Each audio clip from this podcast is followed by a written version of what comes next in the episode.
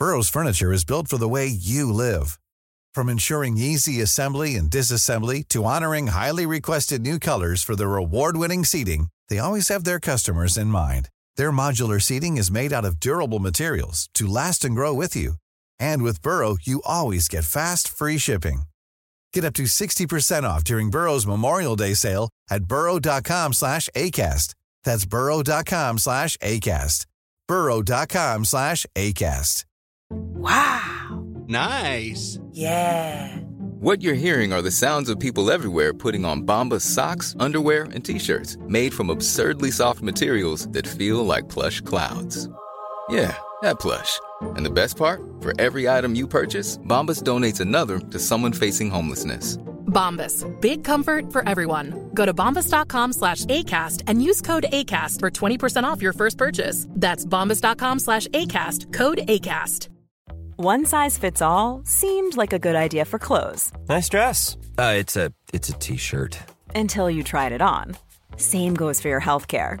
That's why United Healthcare offers a variety of flexible, budget friendly coverage for medical, vision, dental, and more. So, whether you're between jobs, coming off a parent's plan, or even missed open enrollment, you can find the plan that fits you best. Find out more about United Healthcare coverage at uh1.com. That's uh1.com. I'm Sandra, and I'm just the professional your small business was looking for. But you didn't hire me because you didn't use LinkedIn jobs. LinkedIn has professionals you can't find anywhere else, including those who aren't actively looking for a new job but might be open to the perfect role, like me. In a given month, over 70% of LinkedIn users don't visit other leading job sites. So if you're not looking on LinkedIn, you'll miss out on great candidates like Sandra. Start hiring professionals like a professional. Post your free job on linkedin.com/people today. I don't need a lot of brains in this business. I mean, I've always said if you got an IQ of 160, give away 30 points to somebody else because you don't need it in investments. What you do need is emotional stability. Wow. Very first tech IPO, and it's a big one. Stock market hit an all-time record high today. A crash is coming now, whether it's six months from now, 12 months, 36 months, no one knows. There's a bear market about every five years. We've gone eight years without one. People have to realize this is the biggest IPO ever. Hej och välkommen till ett nytt avsnitt av Market Makers. Välkommen hit Fabian. Tack så mycket Niklas. Trevligt med- att vara här. Hur känns det att vara med i podden? Jo men det är, det är kul faktiskt. Även fast det är solen skiner utanför så är det jättekul att sitta här i ett mörkt, dunkelt rum. Verkligen, och jag var ju bortrest över helgen och där sken inte solen på alls på samma sätt, så det har varit bättre att vara hemma på så sätt. Favoriten i andra börspoddar är lynchningar, men du hatar ju lynchningar. Jag hatar inte alls lynchningar, men jag bara tänkte på en grej faktiskt. Just, just när man är också utomlands och man ser mycket affärer och så, så bara, kommer jag tänka på en grej. Det finns ju något som heter Bader-Meinhof. Eh, eller det är Ja. två forskare som heter Bader och Meinhof, men det heter väl Bader-Meinhof. Frekvensillusionen kallas det också. Det var bra, det visste jag faktiskt inte. Det var ett nytt namn på det, eh, för mig i alla fall. Och, men det, det det innebär det är att om du ser någonting, eller om du precis lär ett, det vanligaste exemplet är här, om du lär ett nytt ord, typ lynchningar, då kommer du helt plötsligt börja upptäcka att du hör det överallt och helt plötsligt inbilla sig att men shit vad sjukt, jag, jag lärde mig det förra veckan och så har jag hört det liksom fem gånger tills nu. Eh, men det är ju egentligen bara en, en illusion, just för att du har ju egentligen hört det också förut antagligen, men du lägger märke till till det nu och kommer ihåg det.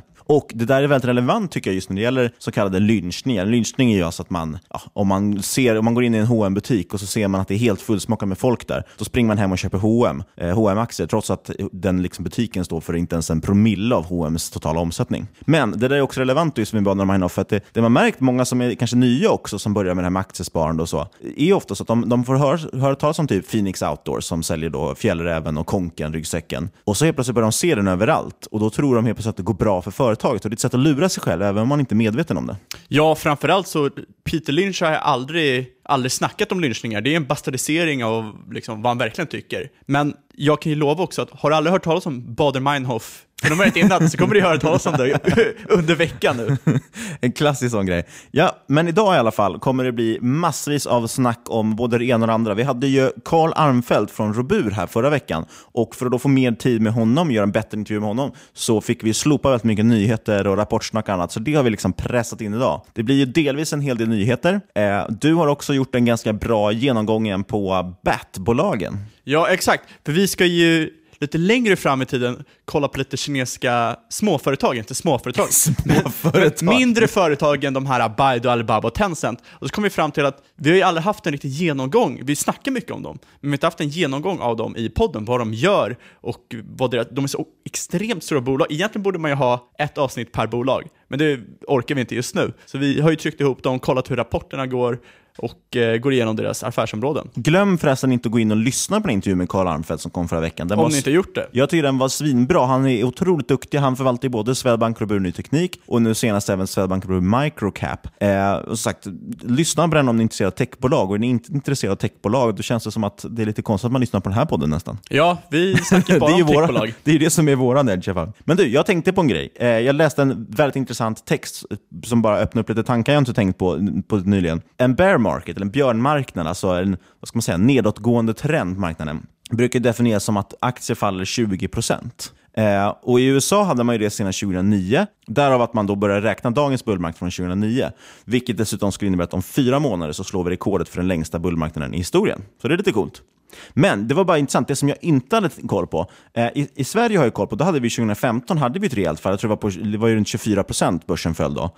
Eh, men i USA hade man ju 2011 ett fall på 19 procent. Och det är lite intressant, för hade det bara fallit en liten ynka procent till, då hade man ju då tekniskt sett haft en bear market enligt den här uh, definitionen. Och då hade vi ju liksom inte pratat om att det var världens längsta bullmarknad idag. Ja, framförallt spelar det någon roll egentligen.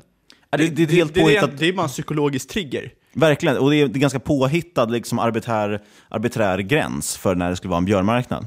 Men eh, jag tyckte det var intressant, tar man Stockholmsbörsen som sagt, vi hade ju ett fall på över 20% 2015.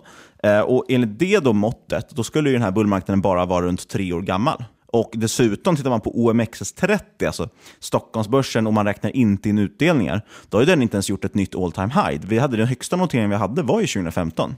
Nej, men det, det är svårt att veta vad man är liksom i, i den här börscykeln, om vi ska kalla det. Däremot i konjunkturcykeln, då är det rätt mycket som tyder på att vi är liksom i slutet på cykeln. Vi har rekordnoteringar när det gäller vinst, vinster i bolagen. Alltså det är mycket som, liksom, eh, som tyder på att vi är på toppnivåer och då finns det oftast bara ett håll att gå därifrån. Eh, det är också mycket snack om att inflation ska komma tillbaka. Och det är ju en stor anledning till att många, inklusive vi, eller i alla fall jag, har varit väldigt positiva till råvaror. Men, det som är intressant är att det finns ju alltid liksom problematiska siffror att lyfta fram för att bygga det här. Det är därför man pratar om de här permabjörnarna. Eh, Mikael Syding som varit med i podden har beskyllts för att vara en sån, även om det kanske inte är helt korrekt. Då. Eh, men som sagt, det går ju alltid att bygga ett case på det du vill. Det går ju även att bygga ett, ett bullcase, alltså ett case för att börsen ska upp. Och det Ja, är det som är lite intressant, tycker jag. Fram, framförallt så har jag börjat höra mer och mer hur många tycker det här med konjunkturcyklar, det finns inte längre, utan det är kreditcyklar som gäller. Och det är in och utflödet av den monetära policyn som spelar roll egentligen. Ja, och det kan ju vara ganska intressant att tänka så, speciellt med tanke på att allting lite har skickats ur spel med centralbankerna som pumpar in pengar i systemet. Det har ju liksom gjort att allting har blivit lite, lite annorlunda och mycket gamla modeller inte funkar längre. Eh, det viktiga i alla fall tror jag med, det är att man alltid ska vara lyhörd och att man liksom snabbt och vågar ändra åsikt efter, ja, men när man får besked från marknaden. För marknaden kommer ju berätta för oss hur det går. Om du ser att saker har fallit 20%, ja, men då är det antagligen ganska dåliga tider framför oss. Eh, så att man måste vara lite liksom, noggrant titta på hur, hur saker och ting handlas. Och just nu tittar vi på börsen så är det, det går rätt mycket sidledes, även om det är stor volatilitet upp och ner. Eh, det brukar, historiskt, tittar man historiskt så brukar det tyda på att det kan vara trendskifte på gång. Men det skulle lika gärna kunna vara så att det bara tar fart igen och börjar fortsätta upp. Det vet vi helt enkelt inte. Och därför tror jag det är lite farligt både att, att, att ha ett så, en stark åsikt om, om vi ska upp eller ner. Det, det är egentligen, i slutändan stärker väl alltid caset att man ska hitta bra bolag som tjänar pengar. Och då brukar man på sikt i alla fall klara sig. Ja, i alla fall hittills. Det är ingenting som säger att man kommer göra det imorgon dock. Så är det. Och framförallt får man inte glömma, börsen är ju framåtblickande. Man brukar väl säga att det är sex månader framåt ungefär. Det är en gissningsmaskin som berättar vad vi ska stå om sex månader. Och eh, Vi har haft stigande aktiepriser eftersom man har förväntat sig att vinsterna ska gå upp. Och det har de ju gjort också. Nu har de levererats. Så nu är frågan då om de fortsätter leverera eller om, om vinsterna ska ner härifrån. Och Det kan dessutom gå ganska fort när de väl gör det. Men, nog om den utläggningen. Ska Hoppar gå in på, nyhetssvep? lite nyheter. Yes. Mycket kul som hänt. Ja, Storytel rapporterar. Ja, eh, Storytel ökar abonnentstocken med 51% year on year. Nästan 600 000 prenumeranter nu. Det är en ganska fin Det- siffra. Och eh, de har ökat streamintäkterna med 40% year on year. Också väldigt bra. Och sagt, Storytel var ett bolag vi har pratat lite grann om. Och eh, Det ska fortfarande nämnas att de, de gör ju fortfarande förlust och tyvärr växte ju förlusten större än förväntat också. Eh, så att, ja, det är väl någonting man får hålla koll på, men å andra sidan så ligger de i en väldigt hård tillväxtfas. Det som jag är mest excited inför, det är att de ska lansera sin egna eh, e-platta. Ja. Läsplatta, Storytel Reader. För att Amazon har en helt fantastisk en som heter Kindle. Grejen är att är du i Sverige, då kan du inte direkt köpa den. Du kan gå via deras internationella affär, eller butik, men då får du betala nästan lika mycket som plattan kostar i frakt. Och det är liksom rätt ovärt. Dessutom måste du köpa alla böcker enskilt. Men med Storytels nya platta, om du har en prenumeration och den här plattan, ja men då får du böcker in i, eh, eh, in i plattan, slipper köpa dem separat. Exakt, tycker det var ett sjukt, sjukt intressant alternativ. Vågar inte göra något påstående om hur det kommer att gå bra för bolaget, eller snarare så hur mycket intäkter det kommer ge. Men däremot var det en intressant produkt på ett privat plan i alla fall. Den kommer att kosta runt tusen spänn i alla fall, det är i nivå med en Kindle. Så jag tror, jag tror faktiskt att det kan vara ett ganska starkt alternativ, i alla fall i Sverige, eftersom många redan sitter på ett Storytel-abonnemang. Sen får vi se hur det, hur det artar sig liksom i resten av världen. Sen Apple och investmentbanken Goldman Sachs planerar att lansera ett kreditkort. Ja, inte en läsplatta alltså, utan ett kreditkort. Och det kortet ska heta Apple Pay, precis som den här uh, tjänsten de har redan i mobilen. Eh, och den är ju såklart kopplad till det. Och det som var intressant då, enligt källorna till den här nyheten så ska även ersättningen till Apple kunna vara dubbelt så hög som de vanliga transaktionerna inom Apple Pay. Så det kan ju vara en, en rätt fin affär om de får in det här kortet. Och får... Jag vet inte riktigt varför man ska använda just Apples kort, men uh, ja, det kan Jag vet inte intressant. varför man går in på kort heller, det börjar kännas förlegat nu. Ja, fast kort är ganska snabba och enkla och i USA dessutom så är det fortfarande Ja, väldigt U- mycket USA som... är väldigt sena, de har ju precis börjat använda chip. Exakt, så de har ganska mycket ändå och kontanter att flytta över till kort. Ja, vilket i alla fall så är det i alla fall fortfarande inga nyheter om Fingerprints kreditkort. De ska ju ha sådana med fingeravtrycksläsare de pratat om. Stackars Fingerprint. Ja, vi får se hur det går. Sen, ett svenskt bolag ska till börsen. Vilket då Niklas? Jättemånga bolag ska till börsen. Vi har en hel lista med bolag, men jag tror att du tänker på iSettle som håller på med kreditkortslösningar. Jajamän, men... Fick jag- vi sydde ihop den eh, säcken också. Ja, det är, mo- det är många bolag nu, gamla startups, som ska till börsen. En stor fråga... Spotify senast till exempel. Ja, Spotify senaste. En fråga är, när ska de börja tjäna pengar? Alltså kunna få en profit? Ja, exakt. Och det är samma här. För iSettle, anledningen till att de går till börsen är enligt dem själva då för att de behöver ta in pengar. Eh, Det är nämligen så att de, de expanderar också. Ja, det är väl rätt vanligt att man går till börsen för att ta in pengar. Men... Ja, fast vadå? Spotify gjorde ju en direktlistning, så de tog ju inte, ville ju inte ta in några pengar väl? Ja, fast de var ju faktiskt rätt eh, enskilda med det eftersom det var så stora nyheter. Så är det. Men oavsett vilket så är det ju så att iSettle vill gå till börsen, de behöver ta in pengar. Det tyder väl kanske någonstans på att de investerare de har är trötta på att betala allting själva. Vi vet inte. I alla fall tittar man i första anblick man kollar på deras eh, resultaträkning så ser det faktiskt ut ändå så som att kostnaderna, de, de har kostnaderna under hyfsad kontroll. De växer liksom inte i takt med omsättningen. Omsättningen ökar ganska kraftigt. Kostnaderna ligger, eller snarare förlusten ligger ungefär relativt stabil. Så visst, det kanske är så att de har enorm till- tillväxt. Det får man ju titta lite närmare på tycker jag när det bolaget faktiskt kommer till börsen. Men i alla fall, de siktar ju på lönsamhet till 2020. Ja, och eh, vi får väl helt enkelt hoppas att pengar eh, liksom fortsätter att vara gratis tills dess. Det som var lite intressant, det är ju delvis att de lanserade en e-handelsplattform nyligen för sina kunder. Eh, så att du förutom att ha deras kortläsare även kan eh, liksom ha din onlinebutik där. Och man har också pratat nu om stö- att man ska kunna ge mer liksom, analysstöd och även erbjuda lite marknadsföringstjänster. Givetvis med machine learning och AI. Wow! Hett! Shit vad coolt! AI, som alla andra bolag. Jag såg faktiskt en jätterolig graf eh, eh, idag, där man hade plottat, eller man hade kollat på kon- eller massvis med conference calls. Alltså när man lämnar sitt, sitt kvartalsrapport eller årsrapport, så har man ju alltid ett conference call efteråt, där analytiker så får ställa frågor och man även presenterar rapporten. Och då var det någon som hade mätt då vilka ord som användes mest. Och då hade man bland annat jämfört med ordet big data som var hett för några år sedan. Det steg ju superkraftigt när det kom. Nu har det börjat avta. Och istället har AI och machine learning upp, liksom dykt upp i nästan varenda conference Ja, alltså, call. jag, jag tror om man skulle börja kalla machine learning för det det är, iterativa regressioner och typ blockchain för världens långsammaste databas, då, då, då, då hade det inte varit lika hett på de här conference callsen. Apropå blockchain, såg jag också i, faktiskt idag, jag, jag har ju suttit och tagit igen liksom en, en vecka förlorade nyheter och analyser idag. Då såg jag att HSBC hade gjort världens första, vad ska man kalla det, de har gjort en financial trade med, eh, med hjälp av blockchain. De hade skickat över någon kontrakt på någonting, terminskontrakt, och gjort en leverans och använt blockchain. Och då var det lite intressant för att normal leveranstid på det var 5-10 dagar. Med blockchain-lösningen så hade de gjort det på 24 timmar. Och det är ju rätt otroligt. Och då, då, även om man vi brukar säga att ja, men visst, det är en decentraliserad databas, varför ska du använda det istället för en centraliserad? Det går ju mycket, mycket långsammare. Eller den är ju liksom segare och mer ineffektiv i sin design. Mm, Jämfört med alternativet de har idag på bankerna, både tittar vi på clearingsystemen, också då leveranser för terminer och så vidare, så är ju det ännu långsammare. Så jag menar, är Så är det ju, men det är Hypen kring väldigt blockchain. suboptimerat sy- system han använder. Absolut. Men hypen kring blockchain kan göra att folk faktiskt vågar ta steget och byta de här gamla systemen. Så är det. På sätt och vis kan det faktiskt bli en revolution som folk tror, även fast det finns ett mycket bättre alternativ idag. Vi gör en, en centraliserad blockkedja. Eller Det beror på vad man ska använda det till. Det finns det inte en enda lösning för alla, och det är det som är grejen. Men jag vill säga en sista sak om iSettle. Nu hoppar jag tillbaka här lite grann Ja, i, agendan. Det var, jag tyckte det var roligt. Jakob de Geer, vdn på iSettle, sa något jättemärkligt tyckte jag. Det var att, först sa han att ja, men dagens börsklimat passar oss jättebra. Det betyder alltså att han, värderingarna är höga och att det är lätt att få in pengar. Det är egentligen det han säger. Men det jag tyckte var väldigt intressant var att de, de, han nämnde att ja, men vi bryr oss väldigt mycket om klimatet och på börsen. Och eh, vi tar framförallt hänsyn till oförutsedda händelser som, inom citationstecken, Trump skulle göra något fiffigt i Nordkorea. Slutcitat. Okej, vad menar han med det? Jag vet inte. Delvis går det ju inte att ta hänsyn till oförutsedda händelser. Per definition en omöjlighet. Eh, och för andra, så, så det enda Trump, fiffiga Trump har gjort i Nordkorea hittills är att han ska genomföra det första historiska mötet mellan en nordkoreansk och en amerikansk ledare, sittande ledare i alla fall. Och han, det känns som att han håller på att mäkla freden. Jag tror att han kommer få fredspriset. Vi får se. Ja, kanske. Nej, men alltså... Nej, jag skojar lite. ja, och sen har vi en nyhet av det SvD kallade skräpbolaget Xiaomi.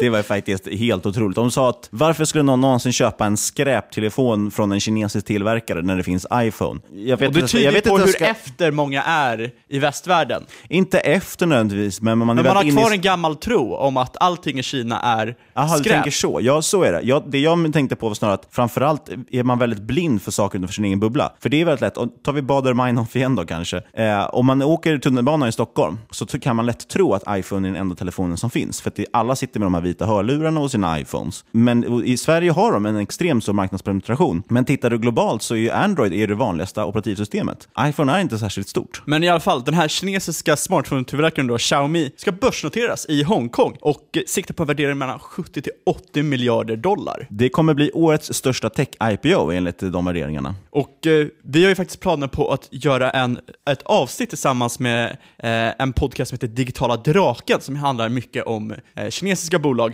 och heta techbolag. Och då kommer vi förhoppningsvis snacka mer om Xiaomi. Det är för övrigt en podd man kan rekommendera, vi kan rekommendera också, Digital Draken. Det är verkligen en, en podcast vi gillar. Som, de pratar om kinesiska techbolag och te, liksom teknikvanor i Kina. Och Där kan man få faktiskt väldigt bra ingående presentationer på både Alibaba, Baidu, Tencent och så vidare som vi ska prata mer om idag. Sen. Sen blev det också nyligen klart att Walmart ska köpa närmare 80% av den indiska e-handlaren Flipkart. Mm, och nu ryktas det då också om att Walmart kanske tänkas ta Flipkart till börsen om några år. Så där har vi också en spännande het tech-IPO. Eh, rätt kul, en indisk e-handlare, det är inte så många som har det i portföljen i Sverige. Nej, men det är inte så många som har indiska bolag överlag i Sverige. Nej, de tycker väl att det är skräpbolag Ja, jämfört med framförallt H&M. är det väldigt svårt. Jag vet inte, du kan inte köpa indiska bolag over the counter. Nej, det är helt sant. Eller over the counter, man, man gör ju över en marknad. Men, Ja.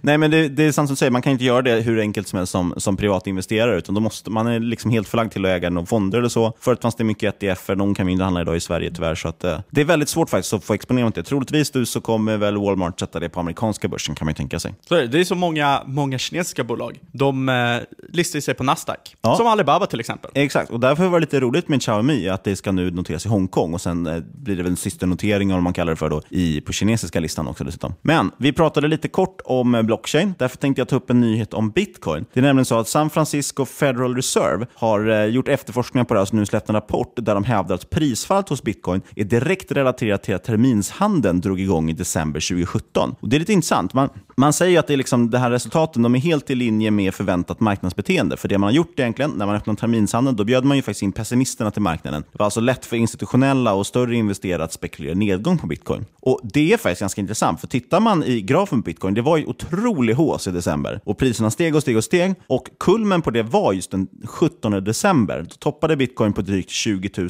dollar. Eh, och det var ju december den 17 som terminshandeln drog igång. Och efter det har det då fallit. Idag handlas den ju kring 9K. Så att det, är, det finns ju någonting som tyder på att terminshandeln hade en väldigt stor påverkan på priset. Och sen har det ju många amerikanska bolag rapporterat också. Och vi har ju så att en, en enorm årlig vinsttillväxt på amerikanska sektorer. Du har ju tech, plus 44%, energi som har gått plus 43%, Industrials också över 40%, Telekom är över 30% i snitt till vinsttillväxt. Ja, det är alltså de, liksom, de sektorerna som varit vinnare i USA i år. Ja, för hela S&P 500 så är årliga vinsttillväxten eh, på plus 24%, vilket är helt makalöst bra. Men då finns det lite intressanta siffror. Vi har ju pratat om det här med skattelättnader förut, vi har pratat om det här med återköp. Justerar man för alla de här sakerna, man justerar för dollarns utveckling, för återköpsökningarna och för skattelättnaderna, då ser man att siffran för årlig vinsttillväxt på S&P 500 istället hamnar på plus 10%. Det är en rätt stor skillnad. Fortfarande bra, men det är mer än hälften då av vinsttillväxten som kommer bara från engångseffekter eller, eller liksom, ja, engångsföreteelser. Men, ska vi hoppa vidare till BAT? Batman? Ja, BAT. Baidu, Alibaba, Tencent. Ska jag säga kanske redan när vi går in på, både du och jag äger ju Alibaba och Tencent. Äger Ja. du Baidu också? Nej, men jag äger en under... Eh, subsidiary. Vad heter det på svenska? Heter portföljbolag hos Baidu. ja, exakt. Jag är inte 100% säker på hur man uttalar det, men Aikuija. Ja, jag, Aikuichi. säger, jag säger Aikaya. Aikaja. Nej, jag vet det är i alla inte. fall eh, Sjukt svårt att uttala. Kinas IQ motsvarighet är till artikeln. Disney eller Netflix. Har jag en liten position i. Men vi kommer komma eh, in på det lite i dagens avsnitt och vi kommer snacka mer om dem i framtiden. Ja, och som du sa, alltså, de här är ju otroligt stora. Både B och AT är otroligt stora bolag. Så att, eh, det, det, får, det kommer tyvärr bli en ganska snabb genomgång. Men vi kommer väl fokusera också lite på senaste liksom, rapporten också, eller hur siffrorna ser ut i bolagen. Exakt. Så kan vi Så- sagt återigen rekommendera Digitala Draken för lite mer ingående info också om bolagen. Jag, jag tänkte så här, tre bolag, vart ska vi börja? Ska vi börja i B, A eller T? Vi kör väl i bokstavsordning höll jag på att säga, men då är det A1 först. Vi kör i den ordningen de kommer. Ja, Okej. Och då börjar med Baidu. Och Bai har ju till och med, Baidu har ju till och med Bai i namnet, så det borde ju vara ett solklar köprek. Så att bolag som heter Baidu ska man köpa, bolag som heter Seldu ska man sälja. Jäklar vad tråkigt det där var. Men Baidu i alla fall, det är Kinas motsvarighet på Google skulle man kunna säga. Även fast de, det finns egentligen ingen riktig motsvarighet till BAT-bolagen i västvärlden, för de är så extremt stora och så stora ekosystem. Eh, jag måste bara säga, Cellavision. det är ju ett bolag man inte ska äga. Ja, vart var vi? Eh, Men Baidu är i alla fall det tredje största internetbolaget i Kina och har ett market cap över 75 miljarder dollar, som är faktiskt rätt litet om man jämfört med Alibaba och Tencent som är närmare 500 miljarder dollar. Så är det, men det är för, också för att Baidu är i, i relativa mått mot de här bolagen så är de de mest nischade. Men då tar man ju nischade med en stor nypa salt för att de gör ju ett extremt breda. De är väl en bland av ledarna inom eh, liksom, autonoma fordon till exempel i Kina, vilket är en jäkligt stor grej. Men vilket som så har de ungefär 75 procent av marknadsandelen av online search, alltså det som Google gör, sökmotorer. Eh, och de har även 80% av Kinas mobile search market. Så de, de äger ju sökmarknaden. Det är precis som i, i västvärlden där Google äger sökvärlden. Och så Ja. finns det några idioter som fortfarande har Bing som förinstallerat. Ja, men jag brukar alltid säga bingar det där när jag undrar någonting. Eh, jag, jag har också hört folk som säger jag duckduckgoar det. bara för att göra en poäng och att man använder den typen av sökmotor. Men i alla fall att, att ha en så här stor marknadsandel av en sökmotor är väldigt, väldigt värdefullt i, eh, ja, i- egentligen hela världen, men framförallt i Kina då det är världens största online-marknad. Det som också är intressant är att online-penetrationen i, på, liksom bland, i Kinas befolkning är strax över 50%. Så det innebär att det finns rätt mycket utrymme att fortsätta växa där. Typ 500-600 miljoner människor. Ja, och att det växer, liksom, det syns rätt tydligt med att du har ad spending som ökar på plattformen med över 32% per år i Kina. Så att det, egentligen är det, det är ju så här, tidigare har det ju varit så att Kina legat lite efter i den här. Man har liksom, USA var ju världsledande inom de här techbolagen och de, eller framförallt vad ska man säga, dotcom-bolagen. Och sen har ju Kina, i början varit så att de kopierar mycket av det. Baidu var ju liksom på sätt och vis en kopia av Google från början. Bara det att de var innanför the great firewall of China. Idag så är de ju innovativa på massa olika sätt, så man ska liksom inte ifrågasätta det. Men Och det det är, är därför de har lyckats fått en så stor marknadsandel när Google dominerar resten av världen. Och det är något vi kommer komma in på lite mer, att tidigare har det varit så att det är Kina som har kopierat de västerländska versionerna. Och nu ser man snarare att det är de västerländska versionerna som kollar på Kina och säger fan det där måste vi också göra för att hänga med. Och det var någonstans där 2010 Kina verkligen gick från så konsumtion till innovation. Och man kan ju se att de innoverar. Till exempel anses ju Baidu vara en av världsledarna inom AI. Och eh, man planerar ju även att gå i Googles fotspår och lansera en egen självkörande bilteknologi. Precis som jag pratade om, nämnde lite fort i början. Men, och den här ska lanseras redan i augusti pratar man om för kommersiell användning. Det är väldigt, väldigt snart. Och en enligt mig väldigt intressant intressant del av Baidu är det här äh, uh, IQEG som jag hade tagit en liten position i. Uh, Baidu äger cirka 60% av det här och det kan likställas lite med Kinas Netflix och Disney och de dominerar för närvarande streaming-spacet tillsammans med Tencent Video. De har växt från 5 miljoner subscribers 2015 till över 60 miljoner i eh, februari 2018. Det är, och, och 60 miljoner är fortfarande ingenting. Man kan ju tänka sig, det är nödvändigtvis inte så att de kommer få den marknadsandelen, men marknaden i sig i Kina måste ju bli ett antal hundra miljoner inom ganska kort tid. Det är faktiskt eh, Kinas snabbast växande sektor är inom entertainment. Den delen inom entertainment som växer snabbast är online streaming. Det är alltså hälften ungefär av vad Net Netflix har i prenumeranter i alla fall, de här 60 miljonerna. Men du får det till en tiondel av Netflix-värdering. Troligtvis också en rätt mycket finare balansräkning jämfört med Netflix. Och dessutom, vi pratade om det här med var bolagen noteras. Det är ju faktiskt noterat på Nasdaq. Så det... A lot can happen in the next three years. Like a chatbot may be your new best friend. But what won't change? Needing health insurance. United Healthcare Tri Term Medical Plans are available for these changing times. Underwritten by Golden Rule Insurance Company, they offer budget friendly, flexible coverage for people who are in between jobs or missed open enrollment. The plans last nearly three years in some states, with access to a nationwide network of doctors and hospitals. So, for whatever tomorrow brings, United Healthcare Tri Term Medical Plans may be for you. Learn more at uh1.com. Many of us have those stubborn pounds that seem impossible to lose, no matter how good we eat or how hard we work out. My solution is PlushCare. PlushCare is a leading telehealth provider with doctors who are there for you day and night to partner with you in your weight loss journey. They can prescribe FDA-approved weight loss medications like Wagovi and Zepbound for those who qualify. Plus, they accept most insurance plans. To get started, visit plushcare.com slash weight loss. That's plushcare.com slash weight loss. Quality sleep is essential. That's why the Sleep Number Smart Bed is designed for your ever-evolving sleep needs. Need a bed that's firmer or softer on either side? Helps you sleep at a comfortable temperature? Sleep Number Smart Beds let you individualize your comfort so you sleep better together. JD Power ranks Sleep Number number 1 in customer satisfaction with mattresses purchased in-store. And now, save 50% on the Sleep Number limited edition Smart Bed for a limited time. For JD Power 2023 award information, visit jdpower.com/awards. Only at a Sleep Number store or sleepnumber.com. Hey Dave. Yeah, Randy. Since we founded Bombus, we've always said our socks, underwear, and t-shirts are super soft. Any new ideas? Maybe sublimely soft. Or disgustingly cozy. Wait, what? I got it. Bombus. Absurdly comfortable essentials for yourself and for those facing homelessness. Because one purchased equals one donated. Wow, did we just write an ad? Yes. Bombas. Big comfort for everyone. Go to bombas.com slash ACAST and use code ACAST for 20% off your first purchase. Hey, it's Ryan Reynolds, and I'm here with Keith, co star of my upcoming film, If, only in theaters, May 17th. Do you want to tell people the big news? All right, I'll do it. Sign up now and you'll get unlimited for $15 a month in six months of Paramount Plus Essential Plan on us. Mintmobile.com slash switch. Upfront payment of $45 equivalent to $15 per month. Unlimited over 40 gigabytes per month. Face lower speeds. Videos at 480p. Active Mint customers by 531.24 get six months of Paramount Plus Essential Plan. Auto renews after six months. Offer ends May 31st, 2024. Separate Paramount Plus registration required. Terms and conditions apply if rated PG.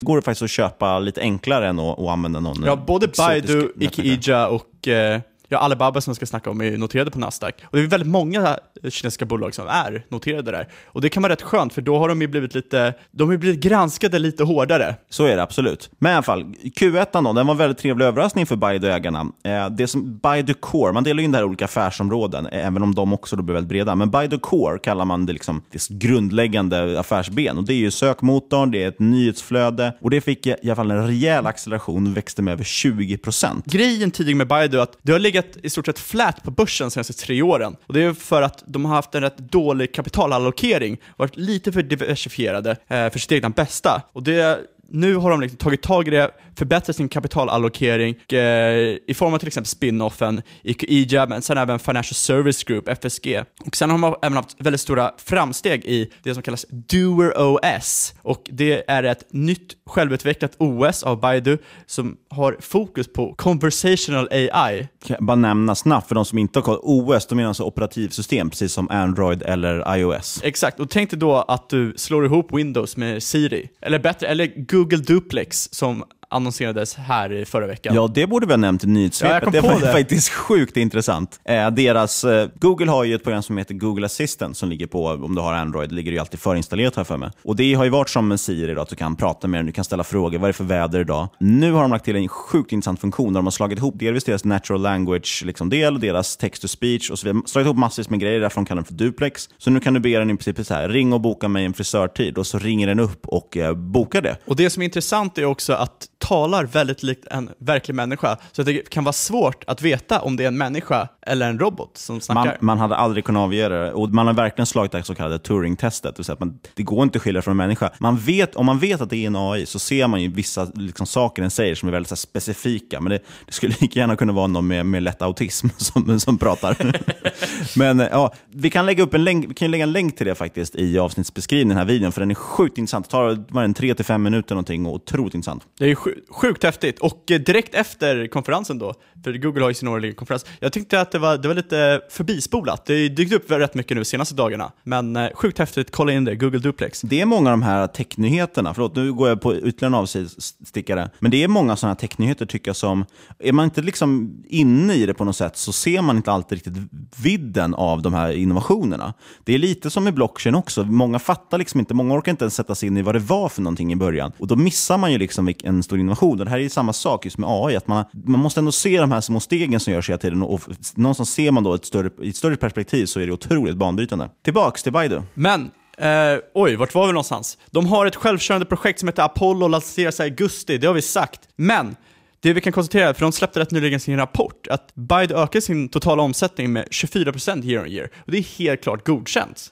det är helt klart godkänt, Ja, kan man säga. Växa ett sådant enormt företag med 24%, det är väldigt imponerande. Marknadsföring står för 87% av intäkterna. På så sätt liknar de ju Google väldigt mycket. Det är fortfarande annonsintäkter som är den stora biten. Och därför gäller det att dominera sökmotorsvärlden, eller man ska säga, sökmotorsbranschen. Jag kan tycka att det finns en lite ytterligare, kanske extra stark moat eller vallgram, ska säga, Bide jämfört med Google. För jag tror inte, så länge Baidu följer liksom kommunistiska partiets eh, liksom regler och, och vad de vill att man ska göra, så är det inte alls riktigt samma risk tror jag för att man vill bryta upp ett sånt bolag och utsätta det för konkurrens som man har i väst. Nej, absolut, det håller jag helt med om. Sen är det också intressant att påpeka att eh, utanför marketing då, då, så har de andra områdena växt i snitt med 70% year on year. Det är rätt viktigt för att även om man inte vill ha ett bolag som är för diversifierat, så vill man ju även att bolag som är så här stort ska kunna plocka hem pengar på lite olika ställen. Ifall att liksom ad-spend går ner i, eh, i Kina. Så är det. Kan jag nämna också att de slog vinst per aktie, gick ju upp över 300% year on year. De tredubblade alltså sin vinst, eh, rätt galet. Det är väl stor del, alltså de är ju precis som alla andra som står i etta. de har egna molntjänster och så vidare och, och väldigt bra bruttomarginaler på allting. Vilket gör, och, eller dessutom bra vinstmarginaler. Det trillar ner väldigt mycket på sista raden, även om det inte är så stort jämfört med marknadsföringsintäkterna. P 27, vad man nu ska göra med det måttet. PEG, alltså lägger man till den här vinsttillväxten så är det 0,2. Det är helt galet billigt. Sen att kommer de troligtvis inte växa 300% i vinst varje år framöver. Nej, men om de kan eh, växa en tiondel av det, alltså 30 procent, så har de en PEG på 1. Så jag menar, då är det fortfarande ett, ett hyfsat väl, välvärderat bolag. Och price to sales på 6. Och som vi sa Det är väl tidigare- någonstans, jämför man med peer så är det väl helt okej. liksom. Ja, det ligger ungefär i, i peer. Men som sagt, det som vi sa tidigare, jämfört med Alibaba och Tencent, eh, som har växt otroligt mycket de senaste åren, så har ju Baidu legat flat och det gör ju att det kan vara rätt intressant att kolla in just nu. Jag tror verkligen det är ett, ett bolag man ska titta på som, som liksom, ska man säga, bryter upp eller kan få fart igen. Liksom. Men det handlar så mycket om också vad folk vill äga för tillfället. Eh, det är samma som vi pratade lite om Twitter i förra avsnittet. Det är också ett bolag som gått från att ja, gå hyfsat knackigt och dåligt till att förra året rapportera om sitt första år med vinst. Och då helt plötsligt drog aktien, så den har ju gått nästan 40% bara i år. Men vi hoppar över till Alibaba då, då och det är väl det mest kända kinesiska bolaget i Sverige. Och Alibaba är ju, som många vet, Kinas motsvarighet till Amazon och är den ledande e-handelsplattformen i Kina. Samtidigt är det ju, och vi slänger oss med vissa liknelser mot västerländska bolag. Och det är ju bara för att då går det väldigt fort att presentera sådana här bolag. För ska man presentera hela Alibaba eller hela Baidu eller vad det är så tar det sån jäkla tid. Så det är väldigt lätt att säga att ah, men det är Kinas Amazon. Men det är ju så otroligt mycket mer än Amazon måste vi ändå nämna. Alibabas grundidé det var ju att man hade väldigt mycket fabriker i Kina och man hade väldigt mycket folk som ville sälja produkter i väst. Hur ska vi koppla ihop de här på ett enkelt sätt? Göra det enkelt att beställa billiga grejer från de här fabrikerna i Kina.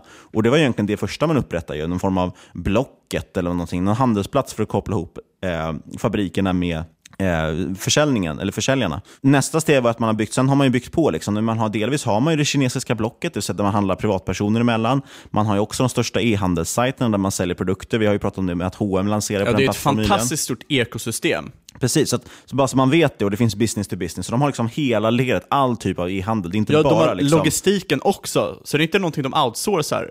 Nej, och precis. Och så äger de dessutom betalningsmedlet och Alipay. Så de, och de lånar ut pengar till de här äh, företagarna. Och så, alltså, de äger verkligen hela ekosystemet. Men det har vi pratat om tidigare ganska mycket också, så det behöver vi kanske inte gå in på. När det kommer till Alibaba så är det i stort sett tre punkter som driver deras valgo och differentiering. Nummer ett. Ja, för det första har de tillgång till väldigt mycket data och det här innebär ju bland annat personifierad shopping och targeted marketing för att driva trafik till, ja, till alla deras hemsidor. Det är ju faktiskt det är inte längre så att det är du som hittar produkten på Alibaba, det är faktiskt produkten som hittar dig. Och ett jättetydligt exempel på det där som vi har pratat om i en tidigare podd var ju deras leveranser också. De har ju gjort så i vissa områden att de fyller upp lastbilar med de varorna de vet går åt ofta i de områdena. Och eh, så hade de, jag kommer inte ihåg vad tiden var på det. Jag tror det var snabb- 13 minuter. Ja, snabbaste leveransen var i alla fall under en timme från att du beställde. För då var det en lastbil som cirkulerade i området och hade just den varan. För de vet vad som säljer. Och eh, som sagt, den här datan går att applicera på tusentals olika sätt. Vi har också nämnt tidigare det här med att de kan ju direkt se vilka e-handlare som säljer väldigt bra via deras plattform. Och då kan de gå in och erbjuda lån och hjälpa dem med vilka produkter ni ska liksom, ta den här finansieringen för att sälja mer av. Exakt, så då, då har de ju människor som säljer via deras plattform och de får även ränta till sin plattform från de här försäljarna eftersom de har lånet. Ja, och vill du inte betala så tar, drar ju de pengarna redan betalningen för de äger betalningsmedlet också. Ja,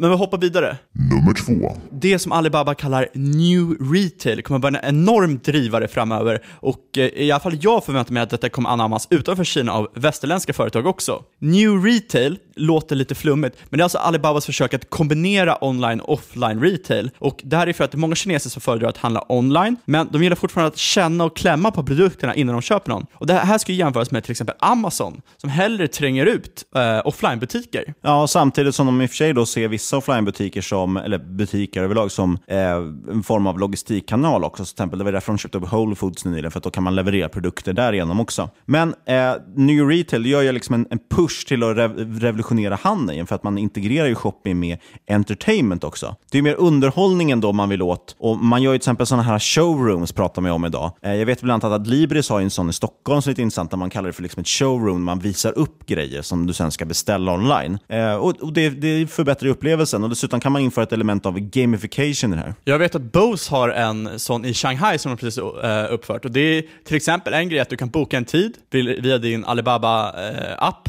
Nu heter inte den appen så, men så går du in i Bose eh, och så får en privat rundtur där de visar upp sina högtalare. Du får även sitta, prova att sitta i en Porsche och lyssna på Bose i Porschen. Så det här är ett sätt för dem att eh, integrera någon typ av entertainment med handelsupplevelsen som är helt annorlunda från västvärlden. Ett annat exempel är Hema. Det är en kinesisk supermarket som också satsar väldigt hårt på både liksom få in internet och, och teknologi i det här. Och via Hema då, du kan antingen handla online, du kan handla i butiken, eller så bara väljer du ut vilka produkter du vill ha i butiken och så får du dem levererade inom en halvtimme. Och det Alibaba vill komma fram till då, de vill ha någon typ av seamless integration, att det ska vara så lätt för dig för att trycka på köpknappen som möjligt. Du ska inte gå till en affär, kolla, ja ah, men det där ska jag nog köpa och lä lämna tillbaka det. Utan det ska gå så lätt som dig att betala det här och allting går ju självklart via Alibabas app. En annan grej, en väldigt stor trend i Kina just nu är som Niklas sa, ja, retail som entertainment. Vid öppning av megashoppingdagen 11.11, eller Singles Day som det också heter, så sänds ett program som heter See Now, Buy Now Fashion Show. Så himla bra namn. Ja, men det, det är faktiskt jäkligt coolt. Och där är det lite svårt att förmedla exakt hur det fungerar över en podcast. Men det är i stort sett att de har en fashion show slash konsert och eh, ser man någonting på tvn som man gillar så kan man dra upp sin mobil, sin Tmall-app och den i stort sett vet det som sänds.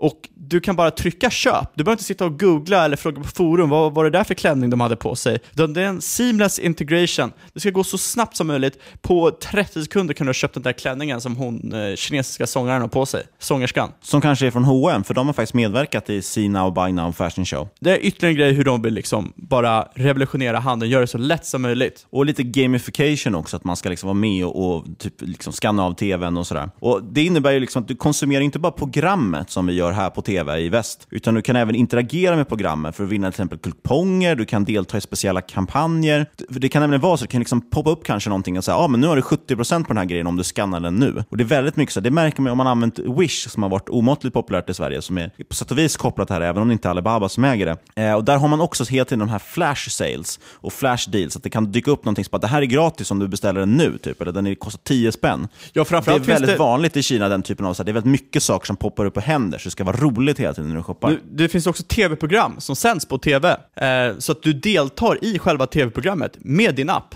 Om du gör det här så får du liksom, ah, men du får 70% av- off på en klänning om du är med och spelar liksom, i det här programmet. Och det är helt, det skulle, jag kan inte tänka mig att det skulle liksom hända i Sverige. Jag skulle kunna tänka mig det, om man väl eh, fick någon som var modig nog och införde det. Ja, Jag exakt. Men alltså, typ, så jag kan inte tänka mig att det är någon som sitter på kontoret och bara hmm, vad är nästa steg för TV4? Nej, precis. Och, men det är ju så här, jag, jag är helt övertygad om att de här grejerna också kommer komma. Även om jag tycker vissa av de här inte känns så positiva. För jag menar, det, bara, det ökar ju konsumtion och många saker som kanske inte alltid är så, så positiva. Då. Som sagt, det, är ju- det garanterat kommer komma. Det är bara att kolla på hur de flesta konsumerar media idag. Ja, de flesta sitter och glor på någon Netflix-serie eller någonting och så sitter de i mobilen i andra handen och håller på och pillar och spelar något spel. Det de har gjort här det är att de slår ihop allting så du får mer värde egentligen av det. Att det hänger ihop. Att du inte sitter med två olika saker samtidigt och multitaskar. Jag som aktieägare är det helt fantastiskt. Nummer tre. Ja, Ja, de har ju i stort sett oligopol på onlinebetalningar via Alipay. Där driver ju trafik till deras eh, Taobao och Tmall-tjänster som är deras handelsplattformar. Ja, det var de här vi bara snabbt nämnde förut, till exempel som är business to customer eller customer to customer. Ja, och Alipay ägs ju av ett dotterbolag som heter Ant Financial. Det är ju liksom, de har ju all finansieringsverksamhet, betalningslösning och så vidare. Och de ska faktiskt börsnoteras snart också. Eh, så det är väldigt intressant. Och det är de då som, som, som vi nämnde innan som fungerar som en slags bank för Alibabas olika handlare. De eh, både sköter betalningarna, de sköter även utlåningar, krediter och så vidare. Och Alibaba rapporterade nyligen sina Q4-siffror och föga förvånande så slog de estimaten. Ja, total omsättning upp 60% year on year. Mobile MAU Monthly Active Users. växte med hela 22% year on year, vilket är den högsta nivån sedan de börsnoterades. Ja, eller högsta tillväxtnivån i alla fall. Ja, precis. Och eh, det som är intressant är att deras, det som kallas Chinas retail section, alltså deras retail i Kina växte med över 50% year on year. Och det ska ju nämnas att det är ju den största delen av Alibaba också. Det, det är där de omsätter mest, är ju fortfarande inom Kina när man säljer till kinesiska kunder. Sen lite snabba nyckeltal. PE över 50, 53 för att vara exakt. PEG 1,1, vilket betyder alltså att de växer om ungefär 50% vinst. Och PS är 14. Väldigt dyrt jämfört med peers. Och eh, eftersom vi har snackat lite om Peter Lynch tidigare så kan vi säga att en av hans favoritmetrics är att kolla på PE jämfört med growth rate. Om du har en growth rate som är större än PE så tycker han automatiskt att det är ett intressant bolag. Ja, och det blir ju precis, det är så man räknar ut PEG. Man, då är den ju under ett helt enkelt. Man delar vinsttillväxten. Eh, så därför är det ganska lätt att räkna ut den. Ska vi runda av det här med att ta ett tredje bolag, Tencent, T i batt. Ja, och Tencent, det skulle man ju kunna förenkla till Kinas Facebook, även om det är så, så mycket mer. Precis, det blir ju också en otrolig förenkling. De erbjuder ett av de största, om inte det största internet-ekosystemet i världen i form av sitt sociala nätverk WeChat slash QQ. Monthly active users för WeChat är över en miljard och över 900 miljoner använder WeChat dagligen. Det betyder alltså att de har i nästan hela Kina sitter med We, använder WeChat och i princip alla de använder det dagligen. Det är alltså det man, oftast är det också den app man använder mest. Eh, och Det beror helt enkelt på för att det är så fruktansvärt stort. Trots att det heter WeChat så är det ju inte bara en chattapp, utan du gör allt. Du kan beställa taxi, du kan beställa mat, du kan beställa klipptid, boka restaurang, betala allting. Och Vi nämnde ju tidigare Alipay som är en av de största betaltjänsterna i Kina då, som Alibaba äger. Och eh, Tencent äger ju då den andra stora betaltjänsten och det är just WeChat Pay som liksom är WeChats betalmedel. Ja, en väldigt stor grej tycker jag. Varför ska man ha 100 applikationer när du kan ha en applikation som gör liksom det hela lika bra eller bättre? Varför ska jag sitta och chatta med dig Niklas och sen om jag vill föra över pengar till dig gå in på Swish istället för bara skicka över de här via Messenger? Precis, och den trenden har man ju sett i västerländska appar också. Både Facebook Messenger har ju erbjudit så man kan betala pengar och även Snapchat införde ju Snapchat, Snapcash kallas det väl för. Ja, och det var ju skicka som vi sa tidigare, att det är västerländska bolag som börjar efterlikna mer kinesiska bolag och röra sig mot det. Och min teori är ju att Facebook, via både Messenger och WhatsApp, som har lanserat sina egna betaversioner för betalningar, vill röra sig mer mot det här äh, WeChat-grejen, att ha ett stort ekosystem. Du går inte bara in där för att kolla newsfeeden eller för att Messenger, du ska göra allting. Det var till och med så att det nämndes på Berkshire Hathaways stora bolagsstämma de hade nyligen. Det är ju jättehappening. Det är tusentals människor som åker dit varje år till Omaha och tittar på det här. Och en stor del av liksom huvudpunkten här är ju liksom att lyssna på Charlie Munger och Warren Buffett när de berättar om, ja, de har frågor och så här, de håller, de håller ju på i flera timmar. Och då kommenterade faktiskt Charlie Munger just att WeChat var en av få konkurrenter till Visa, Amex och Mastercard. Det här är ju jäkligt intressant faktiskt och den här, deras betalningstjänst växer så sjukt snabbt. De innehar en 40% market share jämfört med Alibabas 52%, men detta ska ställas mot 2014 då WeChats market share av betalningar endast stod för 10%. Och Alibabas för 82%. Så det är alltså en helt otrolig tillväxt och eh, liksom övervinnande av market share. Precis, man håller på att vinna en stor andel av den här marknaden, vilket är intressant. Sen ska det nämnas, och det är kanske många som känner igen, igen Tencent från det här hållet, och det är att det är ett av Kinas största gamingbolag också. Ja, de innehar ju 52% av Kinas gamingmarknad. Äger IPn som eh, League of Legends och eh, Fortnite, som är sjukt populärt nu. Ja, och eh, det här pratade vi faktiskt lite om med Karl Armfelt i förra avsnittet. Eh, och Det ska ju också nämnas till exempel att de äger, jag tror att om det var 5% eller om det var 10% av svenska Paradox. Det var en ganska stor grej när de gick in där. De köpte väl också en stek i Rovio tror jag i Finland. Eh, så de, de gör ju så att de köper väldigt mycket västerländska bolag också och äger otroligt mycket intressant eh, Ja, de, har ju IP. köpt, eh, de har ju en stek i Spotify också. Men om man ska ställa det mot någonting annat så är det näst största gamingbolaget i Kina, NetEase, de har endast en 14% i market share. Så att de kanske kommer göra samma resa som WeChat Pay gjorde mot Alipay menar du?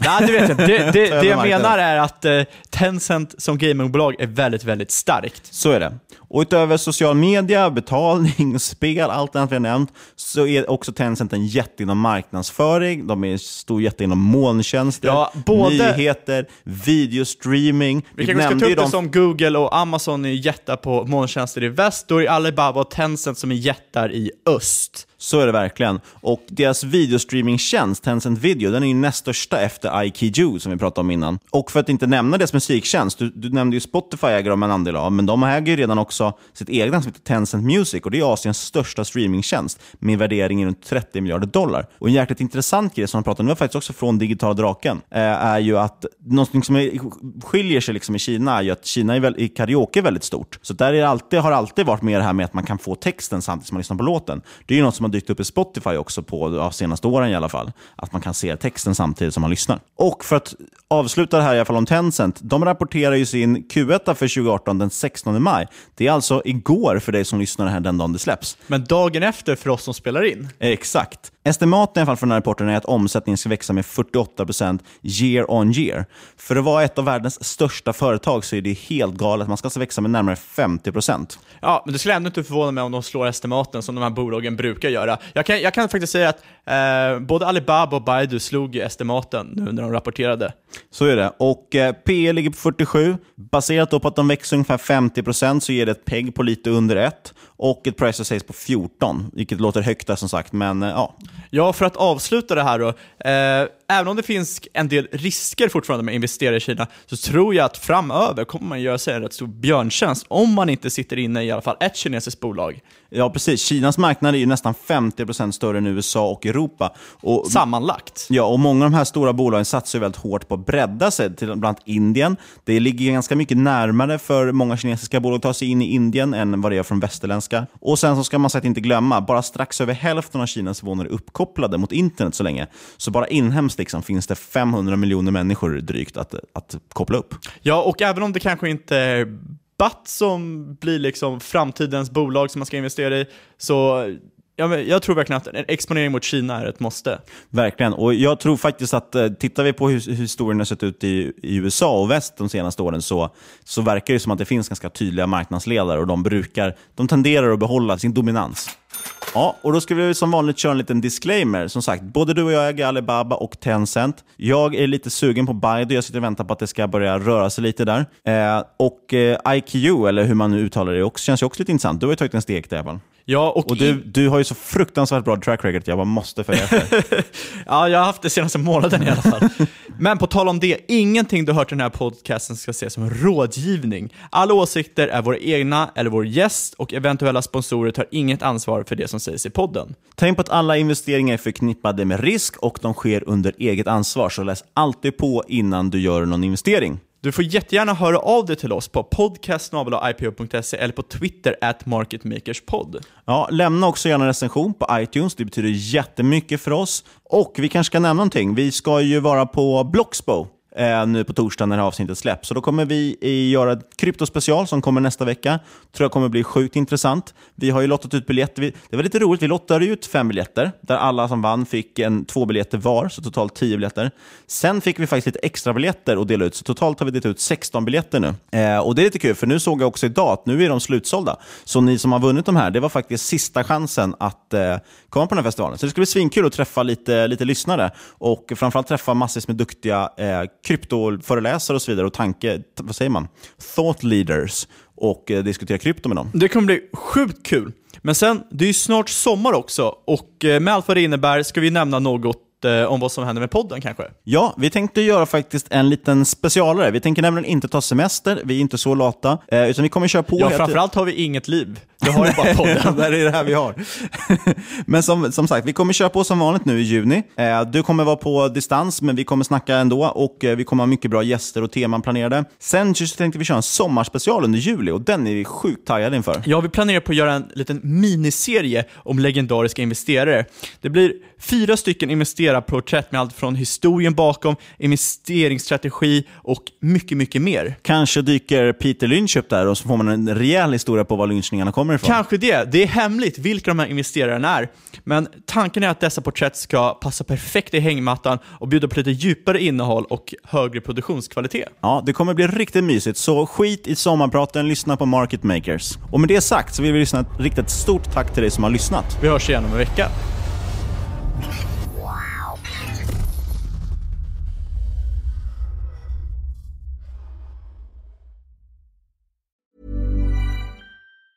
Mom deserves the best, and there's no better place to shop for Mother's Day than Whole Foods Market. They're your destination for unbeatable savings, from premium gifts to show-stopping flowers and irresistible desserts. Start by saving 33% with Prime on all body care and candles. Then get a 15-stem bunch of tulips for just $9.99 each with Prime. Round out Mom's menu with festive rosé, irresistible berry chantilly cake, and more special treats. Come celebrate Mother's Day at Whole Foods Market.